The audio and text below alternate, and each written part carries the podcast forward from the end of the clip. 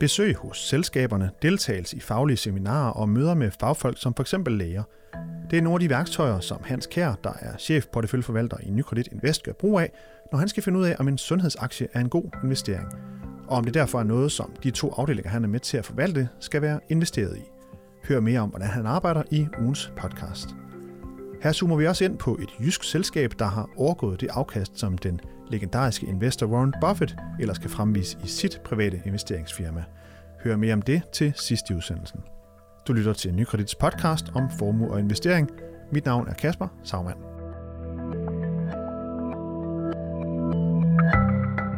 Sundhedsaktier som Novo Nordisk og Genmap, de udgør nogle af de største positioner i Nykredit Invests to afdelinger, der hedder Danske Aktier og Danske Fokusaktier. Men hvad er det egentlig for et arbejde, der ligger bag udvalgelsen af selskaberne? Det kan vi i dag forhåbentlig blive lidt klogere på. Vi har i hvert fald inviteret dig i studiet, Hans Kjær. Velkommen til. Tak skal du have. Du er jo øh, chefporteføljeforvalter i de to afdelinger, som jeg lige øh, nævnte. Og øh, lad os lige kort introducere dem. Danske aktier, det er den afdeling, der spænder, hvor I typisk investerer i 30-35 selskaber. Og danske fokusaktier, der ligger der lidt værre, det er en 15-20 aktier. Og øh, lad os starte med helt fra bunden. Hvordan gør du, når du øh, går ud og, og investerer i de her forskellige selskaber? Ja, først og fremmest vil jeg jo sige, at, at vi har meget lang erfaring med at investere i danske aktier, øh, både mig og mine kollegaer, så, så udgangspunktet er jo, at vi, vi kender selskaberne rigtig godt.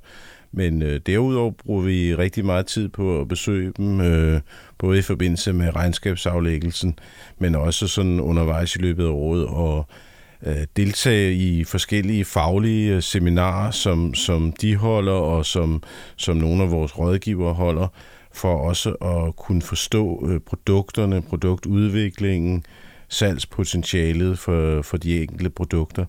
Så det er sådan et, et meget øh, bredt research, hvor vi jo selvfølgelig ikke er eksperter, og egentlig heller ikke har nogen ambitioner om at blive det, øh, men hvor vi meget gerne vil forstå de øh, driver, som skaber omsætningen og, og dermed værdiskabelsen i, i de her selskaber. Og du siger, at I er ude at besøge dem indimellem. Lad os tage sådan en, en, en typisk øh, uge eller en typisk måned. Hvor, hvor, mm. tit, øh, hvor tit er du øh, ude og, og, sådan, og besøge de her selskaber? Jamen, jeg vil, jeg vil tro, vi har en, en af selskabsbesøg i løbet af en, af en måned, en, en mellem 10 og 20 besøg øh, på, øh, hvor, hvor, hvor det som sagt spænder både over de meget sådan regnskabsfokuserede, hvor man analyserer og vurderer et, et regnskab, der er lige blevet aflagt. Vi har jo lige haft en sæson med første kvartalsregnskaber, øh, og har drøftet dem med selskaberne. Og hvad spørger I så om, når I kommer ud? Og, Vi spørger, og hvorfor resultatet er blevet, som det er blevet. Øh, nogle linjer, der har skuffet, og nogle, der er positive. Og så handler det rigtig meget om forventningerne til fremtiden. Altså aktiekurserne bestemmes jo af selskabernes forventninger til den fremtidige indtjening. Så det gælder først og fremmest om at forstå, øh, hvad dette års indtjening, men også næste års indtjening, øh, bliver drevet af, hvilke produkter er det, som, som øh, skal skabe indtjeningen, og i høj grad også, hvilke us- usikkerhedsmomenter der er. For det er klart, at, at selskaberne vil ofte have en interesse i at vise et forholdsvis positivt billede, ikke et, ikke et, et for optimistisk billede, men et forholdsvis positivt billede. Og der vil altid være sprækker, som det er vigtigt for os som investorer at, at dykke ned i, og se, om vi kan finde nogle, nogle ømme punkter, som, som måske kan gøre, at selskabet afviger fra, fra den plan, de har lagt. Det kan jo også være modsat noget, der er mere positivt end det, de har fremlagt. Så det er egentlig for at forsøge hele tiden at være på forkant med en fremtidig udvikling. Og hvor tit, øh, hvor tit går I ind sådan og justerer på jeres positioner i de her selskaber? Helst ikke for meget, vil jeg sige. Vi, vi kan godt lide at, at have en, en uh, anlægsportfølje. Vi, vi skifter typisk ud i porteføljen med, med, hvis vi tager fokus, med en to-tre aktier i løbet af året, og det kan være mange forskellige grunde. Det kan fordi, de er steget meget, men det kan netop også være, fordi at der er nogle ting i casen, der har udviklet sig an, anderledes, end, end vi havde forventet. Øhm, så laver vi sådan, hvad skal man sige, det daglige porteføljehåndværk, hvor man justerer lidt øh, øh, på vægtene, og, og det, er sådan, det er sådan mere det, det daglige skrædderarbejde, men det er faktisk også meget vigtigt, fordi at øh, man hele tiden også følger med i, hvad sker der i markedet, øh, hvordan er salg flowet i aktierne, hvad, hvem har noget til salg, og, og, og, og hvem vil gerne købe. Så det er, det er sådan det mere daglige købmandskab, men det er ikke det, der lægger den grundlæggende øh, position i porteføljen. Den bliver, den bliver bygget op over, over mange år og skulle gerne holde over mange år. Og lad os prøve at tage øh, en af de, øh, nu, nu var vi lige inde på sundhedsaktier i starten, ja. en af de, sådan, de seneste sundhedsaktier, som I er gået ind i. Kan du, kan du give et eksempel på, hvad for en det er? Ja, altså, øh, man kan sige, i forhold til nogle Nordisk, som jeg har haft rigtig mange år i porteføljen, så købte vi Genmap ind, øh, og det er så en, en 3-4 år siden, hvor, hvor en første gang købte den ind i porteføljen. Og det skyldtes, at vi både gennem møder med selskabet, men i høj grad også med eksperter inden for området, der hedder knoglemavskræft, kunne forstå, at Genmap havde et meget, meget revolutionerende produkt undervejs. Og bare, den, lige, bare lige en kort spørgsmål, du siger, I mødes også med eksperter, altså det vil det sige, at I også er ude mødes med læger og sådan nogle ting? Ja, altså det, det er som rent møder, der bliver sat op. Det kan være selskab, det kan også være nogle af vores rådgivere, der, der har kontakter til, til opinionsdanner, til læger, som arbejder med de her stoffer på eksperimenterende vis, og, og som er generelt meget villige til at stille op, ikke med aktieråd, men netop med at bibringe os en forståelse af, hvorfor de her produkter øh, kan være banebrydende. Og det var netop på den led, at vi, at vi blev overvist om, at, at øh, det produkt, som det hedder Darzalex, og som Johnson Johnson jo markedsfører i USA, og som i går blev betegnet som værende på vej til at blive det, der hedder en mega-blockbuster, altså et produkt, der kan sælge for øh, næsten 30 milliarder kroner. Ja, det om året? Om året, ja. Øh, det produkt, øh, jamen det var det, som vi blev præsenteret for og diskuteret for, for de her Øh, ja, nu er det snart fem år siden. Og det var ikke sådan, at vi så øh, købte fantastisk mange Genmab-aktier i porteføljen, men det var der, vi begyndte at bygge den position op, som har været rigtig, rigtig værdifuld for, for porteføljen og, og dermed også for vores investorer. Så det har været en research, som, som har været ongoing, øh, og hvor vi hele tiden har fået øh, løbende information i, i takt med, at de her testresultater blev offentliggjort, og andre i investeringsverdenen så også begyndte at, at fatte mere interesse for, for Genma. Så mange gange handler det om at være lidt på forkant med udviklingen, men ikke selvfølgelig at tage unødige risici. Og derfor er øh, lægemidler jo generelt en, en, en interessant, men også svær sektor, fordi vi ved også, at der er mange lægemidler, der ikke når frem til markedet af mange forskellige grunde.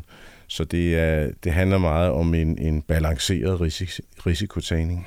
Men, men Genmap kom I så ind i der for mm. en, en 4-5 år siden. Mm. Den, hvordan, har, hvordan har det så gået? Hvordan har afkastet været? Ja, Genmap har haft en, en helt fantastisk kursudvikling, og jeg, jeg tror faktisk ikke, jeg kan, kan tælle helt, hvor mange den er dobblet, men det er i hvert fald noget med øh, en faktor 20 i forhold til den initiale investering.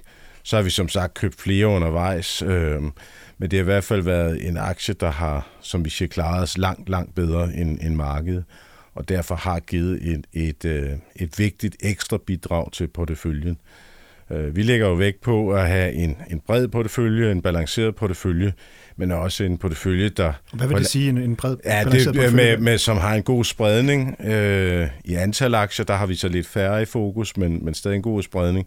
Men også en spredning på sektorer, og, og, og man, hvad skal man sige, har, har både nogle meget store aktier, men også nogle lidt mindre aktier i porteføljen.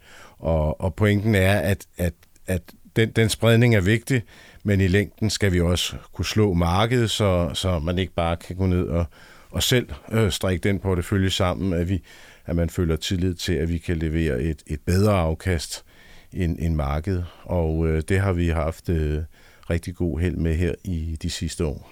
Ja, og I, øh, I køber jo, nu sagde jeg, at det var 30-35 aktier i den ene, mm. og 15-20 i den anden, og det er altså på tværs af hele danske aktiemarked. Det er ikke kun øh, C20 og large cap, det er sådan mere bredt også. Nej, de store aktier fylder rigtig meget i, i Danmark, og det, det skal vi være glade for, øh, fordi det er fordi, de gør det godt og, og har det rigtig godt.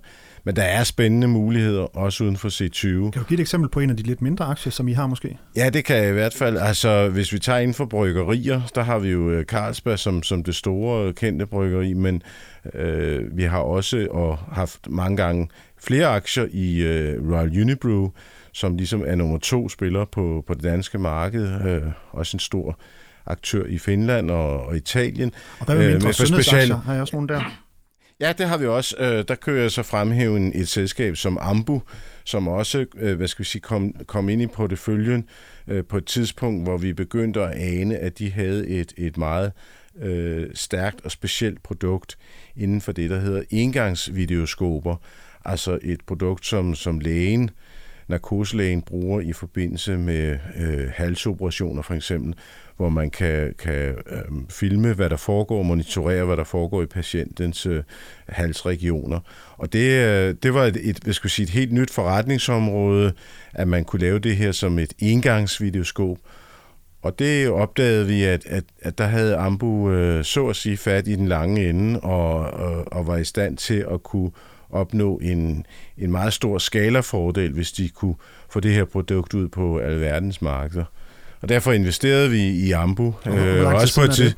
det er også øh, de her, øh, det er så tre et halvt år siden, hvis jeg lige skal, skal huske så det, og det er så også en investering, der har udviklet sig øh, meget, meget øh, favorabelt. Øh, det er jo sjældne muligheder, øh, fordi det er, det er sjældent, at man får så stor en, en erhvervsmæssig succes, som Ambu har haft og Genmap har haft. Men man skal huske på, at Danmark har nogle, det vi kalder meget stærke komparative fordele inden for de her områder. Vi ved jo alle sammen, at Novo Nordisk er førende inden for diabetesbehandling. Øh, Ambu øh, er et af de selskaber, der er rigtig gode inden for det, vi kalder medikoteknologi. Og der har vi jo nogle selskaber, der er meget store, Koloplast, og vi har øh, høreapparatselskaberne, William Demand og, og GN Stornord. Så når danske selskaber får succes på de her områder, så kan man sige, så, så avler man på en, på en succes, på, en, på noget, der er sået for mange år siden, at vi faktisk i Danmark er meget, meget stærke på de her sundhedsområder, hvor vi har specialiseret os, og vi, vi har opbygget kompetencer og øh, dygtige læger, dygtige folk til at uddanne næste generationer. Så selvom at man kan sige, at, at, at succesen for Ambu er skal vi sige, en, en, man ikke kan regne med, så er det også et, et resultat af, af mange års øh, meget dygtigt arbejde i en helt industri. Og med det så lukker vi lige sundhedsaktier mm. for på den her omgang. Vi skal videre til det næste emne. Og det er normalt her i podcasten, så kommer vi jo til sidst ugens tweet, men øh, denne gang så sk- øh, laver vi lige lidt, øh, lidt, et lille greb og kigger lidt på en af de aktier i jeres portefølje, som skiller sig lidt ud fra de andre måske, og kigger lidt nærmere på den, og det er den aktie, der hedder Skov, som er et firma, der ligger i Aarhus, et øh, konglomerat, som spænder over alt fra virksomheder, der laver fiske, foder til blæer, til reservedele til biler, så de kommer vidt omkring. Hvorfor er det, du synes, den er særlig interessant? Ja, men lad mig starte med at sige, at, at, at netop som du introducerede den som konglomerat, det er jo sådan blevet lidt af et fyord på aktiemarkedet. Det er noget, investorer ikke øh, generelt er begejstret for, fordi at vi øh, jo lægger meget vægt på, at virksomhederne fokuserer, gør det, de er gode til, og øh, konglomerat-ideen, som var fremherskende for, for 30-40 år siden, er, er på mange måder øh, blevet lagt øh, på is. Men, Hvorfor er den det? Ja, det er det jo fordi, at, at øh, selskaberne generelt ikke er ret gode til at sprede sig. De kan være gode på et område, men så, de, så, så at sige bliver de, øh, spiller de pengene på nogle områder, de ikke er så gode til. Men Skov er god til det? Skov er så det akkurat modsatte eksempel.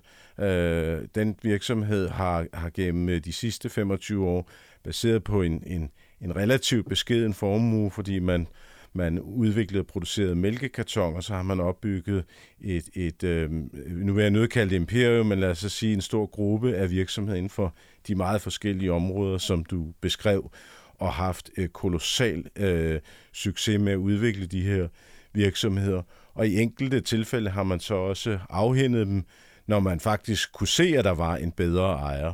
Så, så skov er måske lidt det, man øh, på godt dansk kalder et, et private equity-selskab, men også et af den meget jyske af slagsen, hvor man giver sig rigtig god tid til at udvikle virksomhederne, og man ikke har, har nogen stor hast med at afhente, men man altså ikke er, af, hvad skal man sige, af, af modstandere at gøre det, hvis der er den rigtige mulighed. Og hvad er det, de gør godt, hvis du sådan skal kode det ned? Skov, de er rigtig gode til at, at udvikle virksomhederne fra, fra et godt udgangspunkt til at blive endnu bedre, fordi de rent faktisk har meget forstand på, øh, øh, industriprocesser, altså det hele det her, vi kalder industri til industri, hvordan man, man udvikler en virksomhed til at, at, at blive endnu bedre til at varetage sine industrielle kunder. Og, øh, og det, øh, det er en ekspertise, de sådan har bygget op over mange år. Og så er de, så er de rigtig dygtige til at, at købe øh, virksomheder på, på det rigtige tidspunkt, hvor de måske ikke er nødlidende, men øh, netop har brug for skal vi sige, lidt professionel hjælp, nogle gange noget kapital, og, øh, og, og bringe dem i en bedre position. Og hvis man ser på det afkast, som Skov har haft over de her mange, mange år, det er nemlig ikke en engangsfortælse, så overgår det jo det, som øh, verdens mest legendariske investor, Warren Buffett, har haft i sit Berkshire Hathaway. Det har simpelthen været et selskab, der har formået at opnå større afkast på sin investerede kapital.